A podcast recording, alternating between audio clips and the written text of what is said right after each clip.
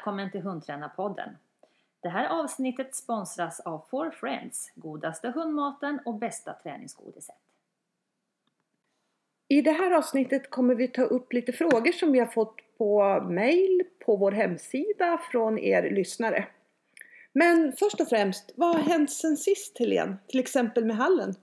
Hallen är nästan färdig.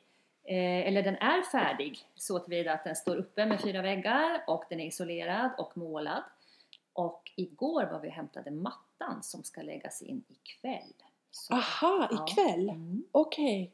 Så eh, ja, det verkar som att vår tidsplan håller. Eh, vi räknar med att ha en invigning den 4 november, en söndag.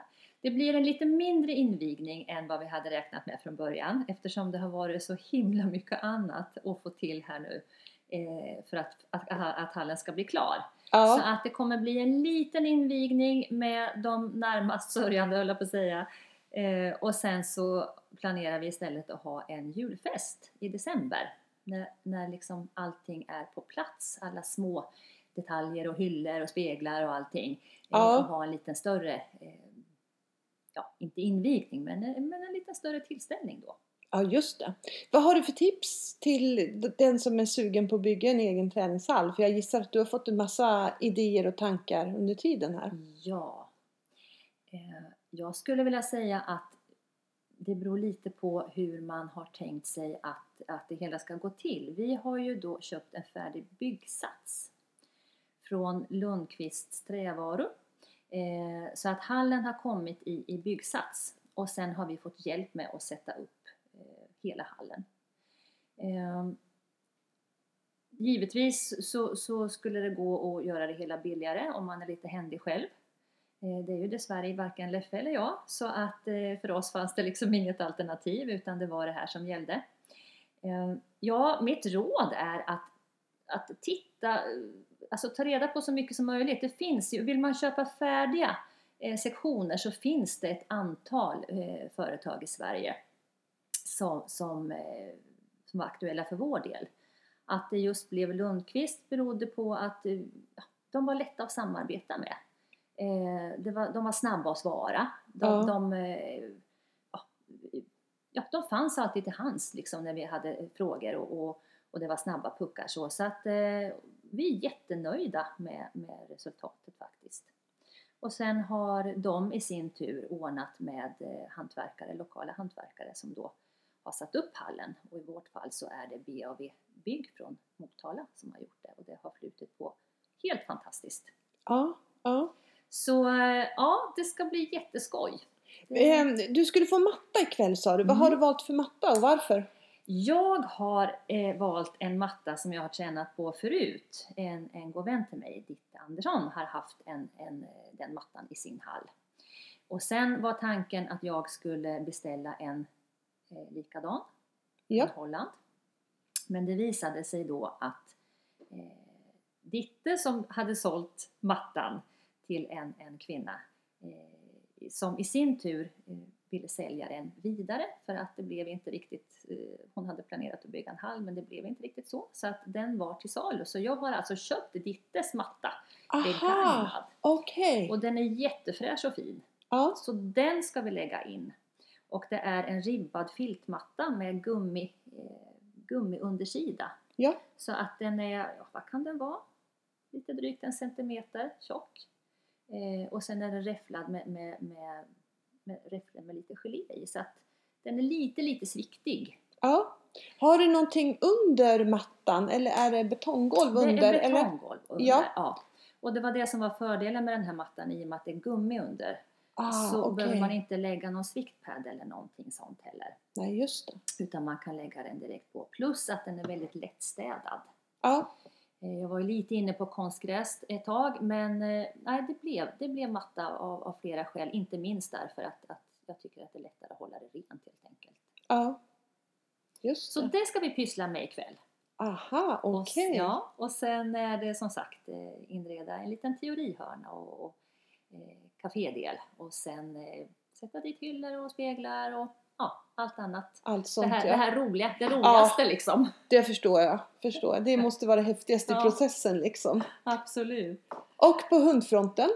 På hundfronten så ska jag ärligt säga att det har inte blivit så jättemycket träning här senaste veckorna för att hallen har tagit Hallen och jobbet med, med kurser och träningar har tagit väldigt mycket tid. Så att eh, de träningar jag har gjort har varit ganska oplanerade. Jag har givit mig ut och träna när jag har haft tid och eh, ja, som, som man vet så, så, så blir det ju inte alltid så bra träningar när de inte är planerade. Det, har man tur så kan det bli det, Det kan ändå. bli bra. Ja, ja precis. Men eh, bara det här blir det klart nu så ska jag bli lite mer strukturerad i min träning.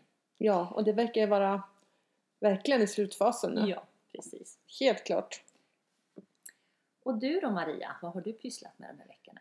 Eh, jag har jobbat lite på som vanligt. Och eh, ja, med kurser och föreläsningar. Och, och sen har vi, håller vi på att jobba jättemycket nu med en studieplan som vi har gjort till våran bok. Ah, Bäst var dag. En, lära, en, studie, en studiehandledning och en lärarhandledning har vi gjort. Och den där har vi gjort och gjort om eh, väldigt många gånger. Okej. Därför att, ja men eh, det, det, det, det är ganska lätt att veta vad man vill skriva. Men det är svårt att veta vad som är lagom och vad som är bra. Och vi vill ju hålla våran stil från boken lite grann. Att, att, att det inte ska vara högvis med text. Utan det ska vara lite text men väldigt mycket information i det. Och det där är ju väldigt lätt i teorin kan jag tycka. Men det är klurigt som tusan i praktiken. Mm. Nu ska jag säga att min kollega är, Siv Svensson är ju fantastisk på att, att få till eh, förklara saker på ett enkelt Mm. sätt. Och, och, och inte spy ur sig högvis med ord hela tiden. Så, men nu, ja, har, vi har svettats lite över det, i alla fall jag har svettats lite över den här. Men nu känner, nu känner jag att nu, det, det här börjar bli riktigt bra nu. Vad roligt. Ja, så det är jättekul faktiskt. Och visst ska ni hålla lite instruktions eller instruktörsträffar Ja, framöver? Absolut. Under januari så kommer vi att hålla lite inspirationsdagar för de som vill hålla kurs i, i bästvardag. I Stockholm och Göteborg och Kungsör och eventuellt också nere i Skåne då. Östergötland då? Har ni glömt den Eh, regionen? nej, den är inte riktigt med i den här första omgången utan då, då är det mer eh, då, vi har tagit lite mer större städer först. Får man Bortsett från Kungsör då. Ja, okej. Ja, just det. Faktiskt. Så, ja, men, så då, då räknar vi med att vi ska kunna liksom presentera våran och visa upp våran studieplan. Då då.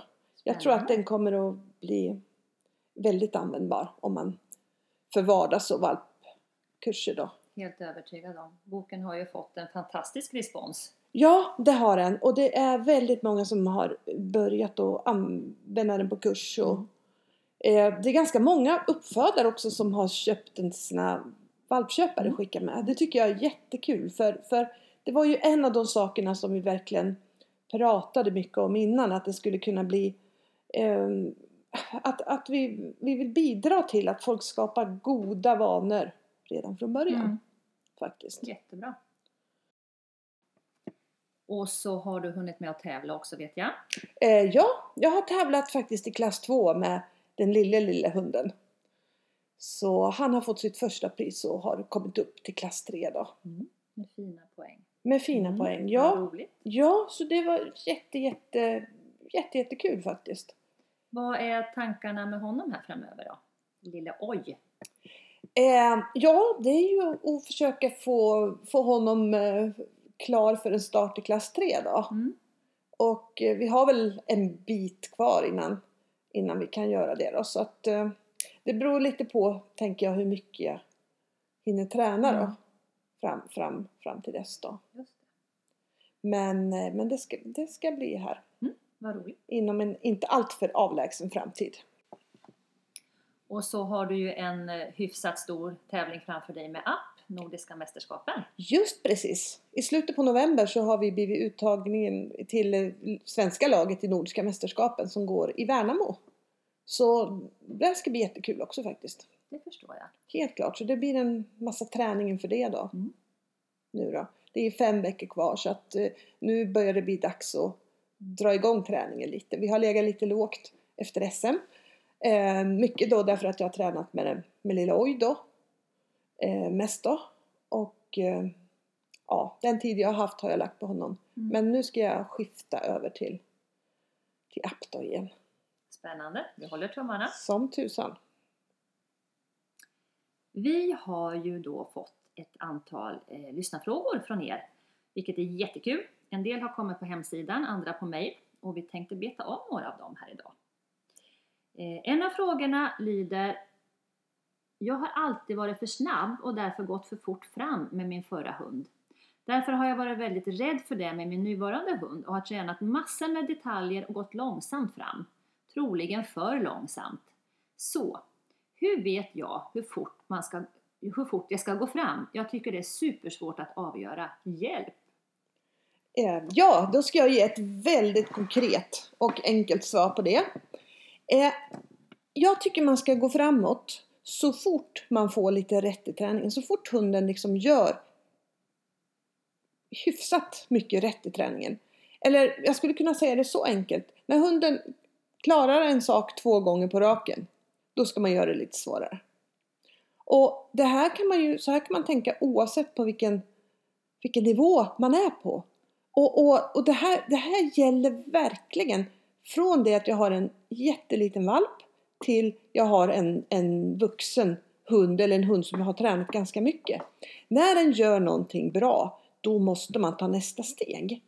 För att eh, jag tycker förr i tiden, för hundra år sedan när jag tränade hund, så när man var ute och hade kurs då, så det enda som man stod och mässade, ha inte så bråttom, dela ner momenten, träna ordentligt på grunderna. Det var det där man sa hela tiden. För det var i princip det alla gjorde.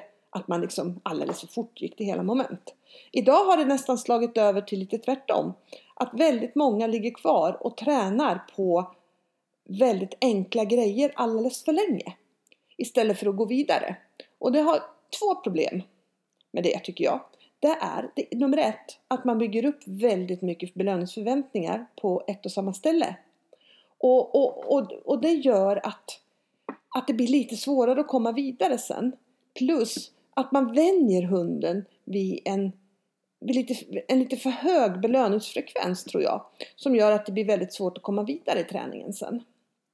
Men när du, när du säger gör det lite svårare, vad är lite svårare? Kan du ge något konkret exempel? Absolut! Om din hund kan gå två steg, då ska du ganska snabbt komma upp i två och ett halvt eller tre steg. I fritt följd till exempel. Eller om din hund kan sitta stilla en sekund, ja men då ska du snabbt komma upp till två sekunder. Man, ska se, man kan se det här som en stege. Där, där man hela tiden ska gå, gå framåt efter de här stegpinnarna. För jag tror, och problemet är att det är många som, som tränar jättemycket på de tre första stegen. Och, och hur många har man inte sett som har ett, tre perfekta steg i fria följet? Men sen får man aldrig ihop någon helhet av det här. Nej. Och mycket därför att man kanske tänker att man tränar på de här stegen och så är man så rädd om de här jättefina tre stegen som man har. Så man bara fortsätter med dem. Och sen så kommer det en dag när man tänker, nej men fan nu, nu är det snart dags för tävling. Ja men då måste vi ju gå kanske en, en och en halv minut. Och då börjar man plötsligt på den här stegen som vi pratade om, istället för att följa de här steg, stegen framåt, så tar man ett jättehopp. Så det blir som en liten ravin däremellan skulle jag säga. Och där tror jag många tappar bort ganska mycket i jag, träningen. Ja, jag tror det ligger jättemycket i det du säger. Just det här att, att i början så går man väldigt kanske långsamt fram, man grundar väldigt väl, man, man hjälper hunden väldigt mycket. Eh, och sen kommer man helt plötsligt på att men så här kan jag ju inte gå, jag kan ju inte gå med godis i handen när jag ska tävla. Nej, nej, och sen plockar man bort den hjälpen helt och hållet. Ja, Och givetvis så blir det oerhört svårt. ja, Eh, så, så jag tror mycket av eh, hemligheten, eller vad man ska kalla det för, handlar om att just ha förmåga att plocka bort dels hjälper väldigt successivt och att göra det väldigt, alltså successivt svårare men i väldigt små steg. precis. Och där, där är ju också att man tänker, jag, jag tror att man kan tänka så pass enkelt, två rätt gör det lite svårare. Men då ska det ju vara så pass mycket svårare så man hamnar kanske på den här ett steg eller sekundnivån. Mm. Det är så pass lite. Eh, man kan tänka, tänka likadant om när hunden gör fel. Gör hunden fel två gånger, gör det lite lättare. Eller ändra på någonting. Mm. För det är lite precis samma sak där då. Och, och um, jag tror som sagt att det här är precis lika viktigt för en äldre, mer rutinerad hund. För träningen ger ganska lite om man bara går ut och gör sånt som hunden kan. Dels är det väldigt tråkigt för en själv och dels är det inte speciellt kul för hunden. Och det, det utvecklar ju inte hunden heller. Men om du hela tiden tänker okej, nu den här hunden gör det här jättebra, vad kan jag ta nästa steg? Då kan du alltid gå vidare i träningen och du får ett väldigt driv i träningen och en väldigt, väldigt utveckling. Så man, man behöver inte göra det här så komplicerat egentligen. Följ den här enkla regeln och hela tiden gå lite, lite, lite framåt när det funkar bra. Tror du att, att eh, folk generellt är lite, lite för rädda för fel? Ehm, vad tror du själv om den frågan? Jag tror att många är eh, rädda för fel. Därför att man inte riktigt vet hur man ska hantera det helt enkelt. Man har ingen plan för när det inte riktigt går som man har tänkt sig. Och det är ju sånt där som man kanske ska fundera över innan man ger sig ut och tränar. Att man faktiskt har en liten plan. Man kan ju inte ha en plan B för precis allting som, som kan hända. Men några grejer i träning. Alltså, ofta när man, man känner ju sin hund någorlunda efter ett tag och, och vet att ja, men just det här är nog, kan, skulle nog kunna hända när jag gör det lite svårare eller när jag, eh, när jag gör det i den här situationen. Och då kanske man i, förhand ska ha tänkt ut en plan B för hur man ska hantera det så att man inte börjar fundera i träningen. För det tycker jag är bland det värsta man kan göra. När man tränar så ska man träna och då ska man inte tänka, då ska man liksom agera istället för att fundera. Eh, och är det som så att man känner att man inte har någon bra plan B eller att det händer någonting som, som man inte alls hade räknat med, då är det kanske bättre att ta en paus där och tänka till hur man ska göra istället för att börja tänka under själva träningen. Japp. Så man kan ju tänka lite likadant när hunden eh, gör fel. Att, att eh, det gör ingenting alls om den gör något enstaka fel. Men man kan ju ha samma regel där. Ett fel gör ingenting, men två fel då är det dags att tänk, stanna, kanske stanna upp och, och göra en ny plan då. Det, kanske inte under träningen, men eh, någonstans därefter. Efteråt. Jajamensan. Precis. Därför att det är ju lite så, det, det, det tycker jag att jag har varit väldigt eh, övertygad om när vi, gjorde den, när vi skrev den här allmänlydnadsboken. Liksom, att det hunden gör ofta, det blir den bra på. Så det har jag praktiserat jättemycket i träningen då. Och, och, och det här gäller ju också för fel. Om hunden ofta på träningen gör ett fel, till exempel om den ofta eh, tappar fokuset i fritt följ i starten, så tränar den sig på det. Och gör den det här många gånger så kommer den att bli bra på det. Och, och oavsett om det är rätt eller fel. Så, så var inte rädd för att det blir fel men se till att göra någonting åt det. det var tror jag är det viktiga. på det. Se Ja. tendenser kanske Ja. framförallt i träningen tror jag är jätteviktigt. Absolut. Sen har vi också fått en fråga om hur mycket man kan träna de första veckorna när man har fått hem en ny valp. Mm. Det är ju en inte jättelätt fråga att svara på tycker jag för att det är ju givetvis väldigt individuellt. Men jag tänker nog att jag i första hand eh, vill lära känna min, min lilla valp och se vad det är för, för filur som har kommit hem. Eh, Och det kanske jag inte gör direkt i, i, i träningen i början. Sen beror det på vad man menar med träning. Allting är ju kanske träning för en liten valp egentligen. Ja, Men jag vet inte vad, vad eh, personen syftar på och om, om hon syftar på, på just att, att träna färdigheter, alltså i grundfärdigheter inför för lydnad eller någon annan sport. Men jag tänker kanske att i första hand ta reda på vad, vad min lilla valp, vad den har för personlighet. Hur den svarar på mitt sätt att, att, att kommunicera. Eh, om den är öppen eller om den är, är lite mer introvert. Om den är ha, är snabb i sin tanke och sina reaktioner eller om den är lite mer eftertänksam. Och, och försöka bilda mig en uppfattning om, om hur just den funkar och sen successivt väva in lite träning i det. Och träning kan ju vara allt ifrån att, eh, att sitta stilla en liten stund med fokus på mig och bli belönad för kontakt. Att följa med på promenader, komma när jag ropar, alltså val, valpövningar helt enkelt. Men jag kanske, jag kanske inte tänker just lydnadsträning precis allra, allra i början utan jag försöker jag försöker nog väva in det här i andra situationer. Vardagssituationer och mycket på promenaderna. Eh, ja, hur tänker du Maria? Eh, ja, jag tänker nog att också att den får komma och, och ja, men lära känna sitt nya hem. Sen så tycker jag att ofta att det är rätt så kul att träna lite grann med, med, med småvalparna för de är ju väldigt liksom mottagliga för träning. Absolut. Så, så jag brukar nog inte ens se det som någon, någon, någon träning direkt då, utan att det kanske är lite mer att man leker och valpen får lära sig hur, hur gör jag för att få tillbaka leksaken genom att kanske bjuda på något beteende eller något sånt här. Och sen så handlar det ju mycket om det här precis där du säger att den ska, ja men den ska bli van vid allting annat runt omkring då. Mm. Men eh, så här lite småträning brukar det bli så det kanske blir några korta pass brukar jag tänka varje dag som jag kanske gör någon, någon, någon litet lekpass med, med valpen. Och kanske inte för att det är så himla nödvändigt men för att mycket mer för att det är så himla kul. Ja, och leken är ju ett jättebra sätt att lära känna sin hund på, hur Ja. hunden leker. Ja, Och just det här du säger att, att man, eh, man kollar lite vad, vad gillar den här hunden för typ av belöningar? Hur kan jag belöna den för att sen skapa ett belöningsintresse hos hunden? absolut. Och bygga upp ett, ett värde i det. Det är, väl, det är väl en väldigt bra grund att börja med tycker jag. Så jag tycker det är smart att börja göra lite små lite smålekar och lite små övningar så här på en gång då. Men att man kanske man ska, man ska ju ta det, tänka det som en lek. Det, det tänker jag det i och för sig även sen också med träningen. Träningen hela tiden är liksom en skoj. Om du skulle säga tre saker att träna på med den lilla valpen, vad skulle du säga då? Med den lilla valpen så skulle jag först och främst tänka på att eh, utveckla belöningarna.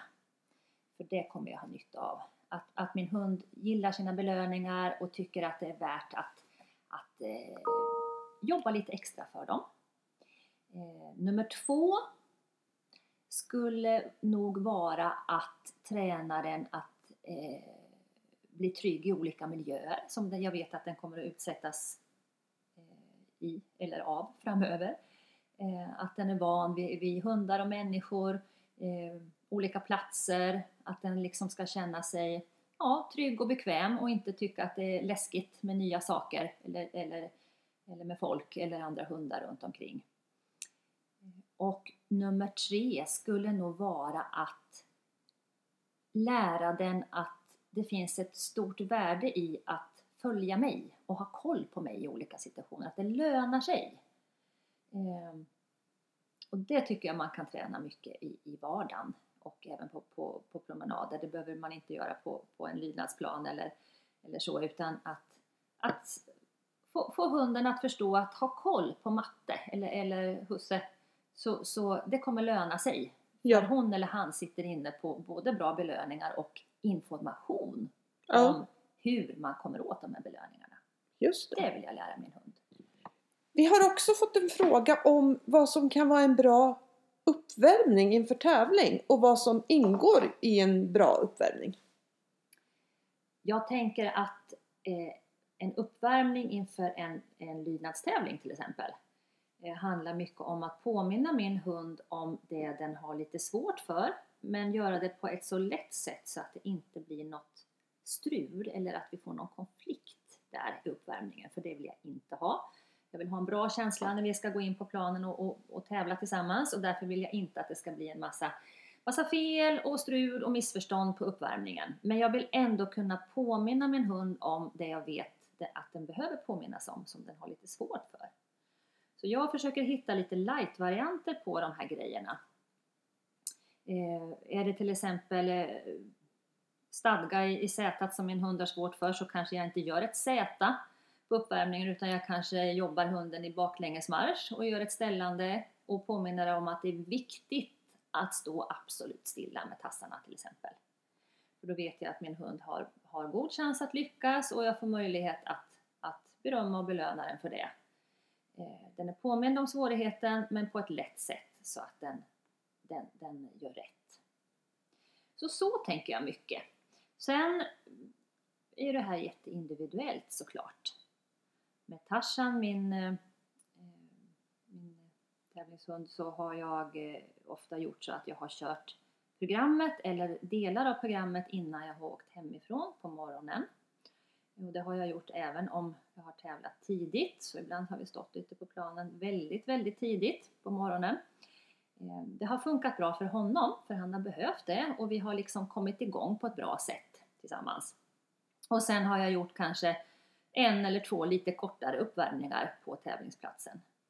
Men det är ju sånt där man får utvärdera efterhand och som kanske också ändras under resans gång. Man kanske inte värmer upp på samma sätt med sin lite äldre hund som man gjorde när den var ung. Eller hur tänker du Maria? Eh, jag tänker att det här är någonting som man måste försöka hitta på träningen. Därför att eh, på man har ju ändå ganska få chanser på tävling. Mm. När man ska, eh, om, man, om man ska experimentera med det på tävling så, så är det svårt. Sen det sista lilla måste man göra på tävling också. För jag tycker att det ofta händer saker. Eh, hunden är ofta lite annorlunda på tävling än, än vad den är i träningen. Men, men, men träningen är i alla fall där jag försöker hitta vad jag ska göra med hundarna. Och så, så varje gång på träning när jag jobbar med, någon, med helhet, vilket är i princip varje gång som jag tränar. Helhet, med det menar jag att jag kör programmet då, eller delar av programmet då. På ett lite mer tävlingsmässigt sätt då. Och innan jag gör det varje gång så, så, så gör jag uppvärmning. Och så försöker jag hela tiden dra slutsatser om, om det var rätt eller fel liksom. Det jag gjorde då. Och det jag brukar försöka tänka det är ju liksom en del av uppvärmningen det är ju den fysiska, att hunden ska röra på sig, vara varm i kroppen. Men, men jag tror inte riktigt det vi, vi pratar om, utan det här är mer liksom hur man ska få hunden i, i så bra i det mentala liksom mm. fokuset mm. man vill ha när man går in på tävlingsplanen. Tänker jag. Så där prövar jag mig fram. Och eh, det, det handlar egentligen ganska mycket om hur, hur mycket fart och hur mycket koncentration jag gör innan. Och, och proportionerna på det här för att hunden ska vara så bra som möjligt när jag går in. För det här är ju liksom det allra sista lilla eh, finliret tycker jag för att hunden ska vara sitt absolut allra bästa jag. Så, så det här är någonting som man verkligen ska försöka lista ut på träningen. När går min hund som bäst? För jag håller helt med att det är väldigt, väldigt olika vilken typ av, av hund man har. Mm. vad man, vad man ska göra och vad man behöver göra. Ja, och lika så kanske om det är 30 grader varmt eller om det är 10 grader kallt. Kanske man inte Absolut. heller värmer upp på samma sätt. Om man har startnummer 1 eller 25 kanske också skiljer. Ja. Så man får nog, men, men att, just att man har en grund, att man har liksom en, en, någonting att utgå från tycker jag är viktigt. Som man sen alltid får modifiera lite grann. För man får ju som du säger också vara öppen för hur är min hund just idag. Ja, precis. precis. Men man behöver ju ha liksom en, en rimlig uppfattning till det här. Och det här är ju någonting som jag tycker är jätteviktigt om man ska tävla på stora tävlingar. Så att man verkligen vet vad man ska göra med sin hund då. För då kanske man, om man ska tävla på SM eller något sådär, då har man ju en chans per år att göra det här. Och då, då ju mer jag vet om min hund då, desto större chans att lyckas mm. liksom. Ja, och sen lika så tänker jag att man inte gör sig beroende av en viss typ av uppvärmning som kanske kräver en stor yta. För det är inte alltid man har det på, på tävlingsplanen utan att man kan värma hunden på en väldigt liten, liten mm, plats eh, och ändå få med det här viktiga lika väl som, som, som man kan värma på, på en, en större uppvärmningsplan. Eh, att man liksom inte är låst till att det måste se ut på ett visst sätt för att man ska kunna värma sin hund på ett bra sätt. Ja, precis. precis. Och det är också någonting som man får, som du säger, träna på på träningspassen och inte inte träna på innan man ska Nej, tävla. när man väl ska tävla. För det, det finns ju en ganska viktig del i det där också. Det är att om jag gör det, har gjort det ganska mycket på träning så har jag en ganska bra uppfattning om vad jag ska göra på tävlingsdagen. Och det kommer jag behöva ha som stöd. För oftast så är man inte sitt bästa tanke jag på, ett, på en tävlingsdag. Utan då, då ska det här liksom vara lite klart så jag vet ungefär vad jag ska Mm, göra. Och så bara gör de sista justeringarna liksom. Mm. Så det vi tycker helt klart är att du ska testa dig fram på träning. Vad du behöver göra på, på tävlingsdagen.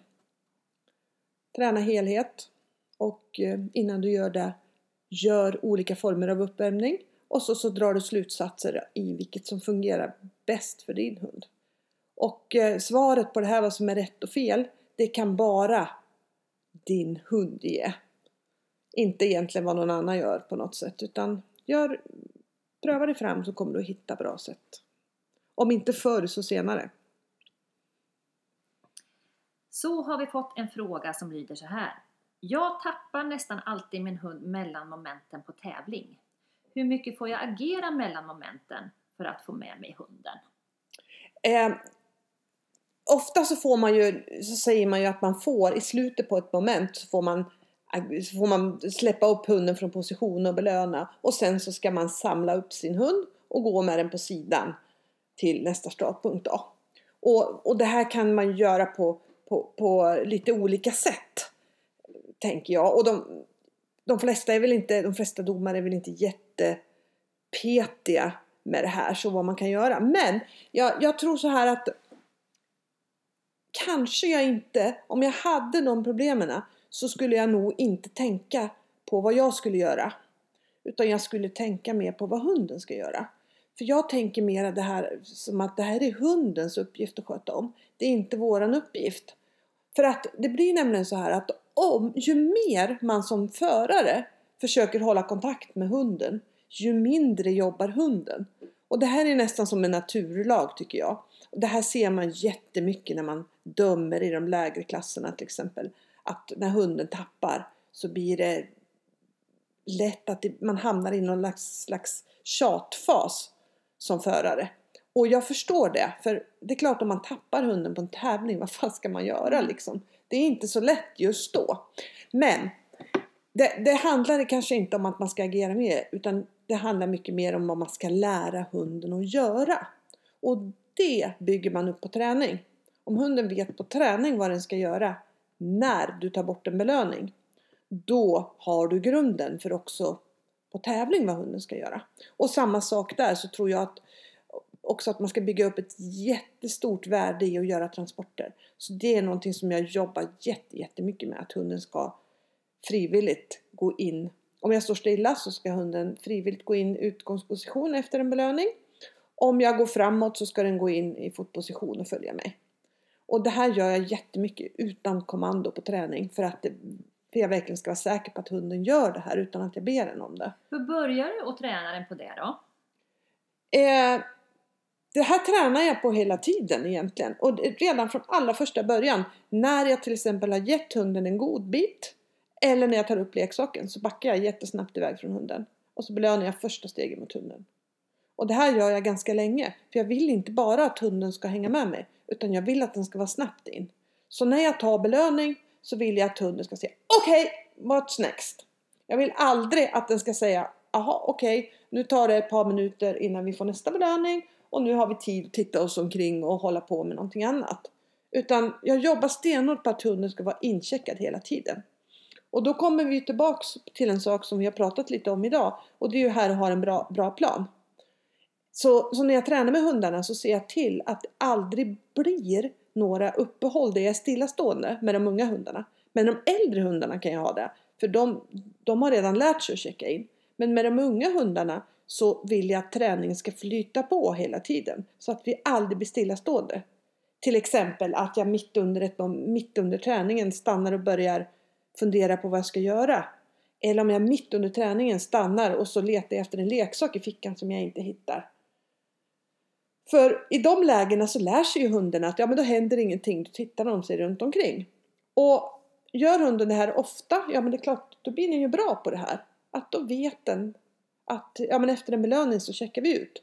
För att längre fram sen efter en social belöning så vill jag ha samma sak. När jag gör en social belöning och slutar med den sociala belöningen då vill jag att hunden checkar in på samma vis som när jag tar bort en riktig Du belöning. tänker i en tävlingssituation då till exempel? Och en Mm, träningssituation. och en träningssituation. Alltid. Mm. Och det här är någonting som jag inte tränar ibland. Utan jag tränar på alltid, Mm. alltid, alltid, alltid. Hunden har alltid en uppgift när den är inne på plan. Från det vi kommer in på plan till dig och kliver ut så har hunden alltid en uppgift. Och behöver jag göra någonting, till exempel ta fram någon leksak som jag vet tar lite tid, gå och hämta en apport, eh, jag kanske vill prata med min träningskompis, då är det alltid pausläge. En valp tar jag ofta upp i famnen, håller den så länge. Eller håller hunden i halsbandet. En äldre mer rutinerad hund lägger jag ner. Därför jag vill att de ska solklart veta att nu är, det, nu är du i jobb och då ska du vara på hela tiden. Och nu är det paus, då får du då, då spelar det ingen roll utan då får du liksom kika dig omkring lite Mm, och då är det inte jobb då. Men jag vill att det här ska vara jätte, jätteklart. Så jag tror att man behöver träna på det här. Checka in efter en belöning. För det är det som är grunden till transporter senare på plan. Jag håller med dig definitivt och jag tror mycket handlar om det här att vi har, vi har faktiskt lärt hunden att den kan få checka ut efter en belöning därför att vi själva gör det. Det är ju ofta man ser och även kommer på sig själv ibland med att stoppa undan leksaken och där börja fundera lite grann över vad man ska göra härnäst. Och bara de få sekunderna gör ju att jag tappar min, mitt fokus Absolut. vilket givetvis gör att hunden lättare tappar sitt. Ja. Och här, här får man ju tänka till lite grann. Just det här du säger att oavsett om det handlar om att svälja en godbit och sen vara på igen eller släppa leksaken eh, och, och, och, och vara på igen så, så måste man själv agera där direkt så att det inte blir någon gråzon däremellan. Det tror jag är jätte, jätteviktigt. Mm. Absolut. Så det är säkert det som behöver till på, på, på träningen tror jag för att transporterna ska flyta. Och det här kanske är när man är ute och tittar på tävlingar så här så tycker jag kanske att det, det är den sak som man helst skulle vilja att, att det var fler som tränade på Mm. faktiskt. Och att det finns ett värde i, i transporterna också. Mm. Eh, att, det inte bara, att det inte bara är en transport Nej. utan det faktiskt finns ett värde i att hänga på. Ja. För att man kommer att, det kommer löna sig för hunden. Jag, jag brukar träna det här jättemycket, eh, bara att ställa upp mellan olika startpunkter och avsluta. Eh, man behöver ju inte nödvändigtvis väva in moment i det här utan det kan handla om att gå från punkt till punkt, avsluta eh, tävlingsmässigt med en, en, eh, en social belöning och sen gå vidare. Och lägga ett värde, lägga kanske belöningar i några av transporterna. På samma sätt som jag vill att min hund, när vi har ställt upp på startpunkten, så vill jag inte att den släpper fokus på mig. Utan någon meter eller två innan vi ställer upp på själva punkten vill jag att min hund ska ha klart för sig vad vi ska göra och att fokuset ligger på mig hela tiden. Det kan man också se tycker jag, att hundarna ställer upp på punkten, den kanske har haft kontakt eh, och, eh, och en jättebra uppgiftstanke ända fram dit, men väl framme på punkten när man gör halt, då checkar den ut. Och det vill jag inte heller. Utan det här är, är ju någonting som, som man också får träna på, tycker jag. Ja. Och Ja. plocka ut och träna som en separat del. Och kanske inte, inte alltid väva in det i, i helhetsträningen utan kanske träna på det så att man blir riktigt, riktigt bra. Och har en strategi för hur man ska göra. Eh, och verkligen hålla på de kriterierna för att det då ska hålla i skarpt läge. Det tror jag är viktigt. ja, håller helt med. Sista frågan för dagen lyder Jag har alltid haft externbelöning på tävling som vi sprungit till tillsammans när vi är klara och det har funkat bra. Men på sista tävlingarna har min hund haft jättemycket dragning ut från planen mot belöningen. Ska jag sluta med externbelöning? Finns det bättre alternativ? Vad säger Maria? Eh, ja, jag säger kasta bort externbelöningen.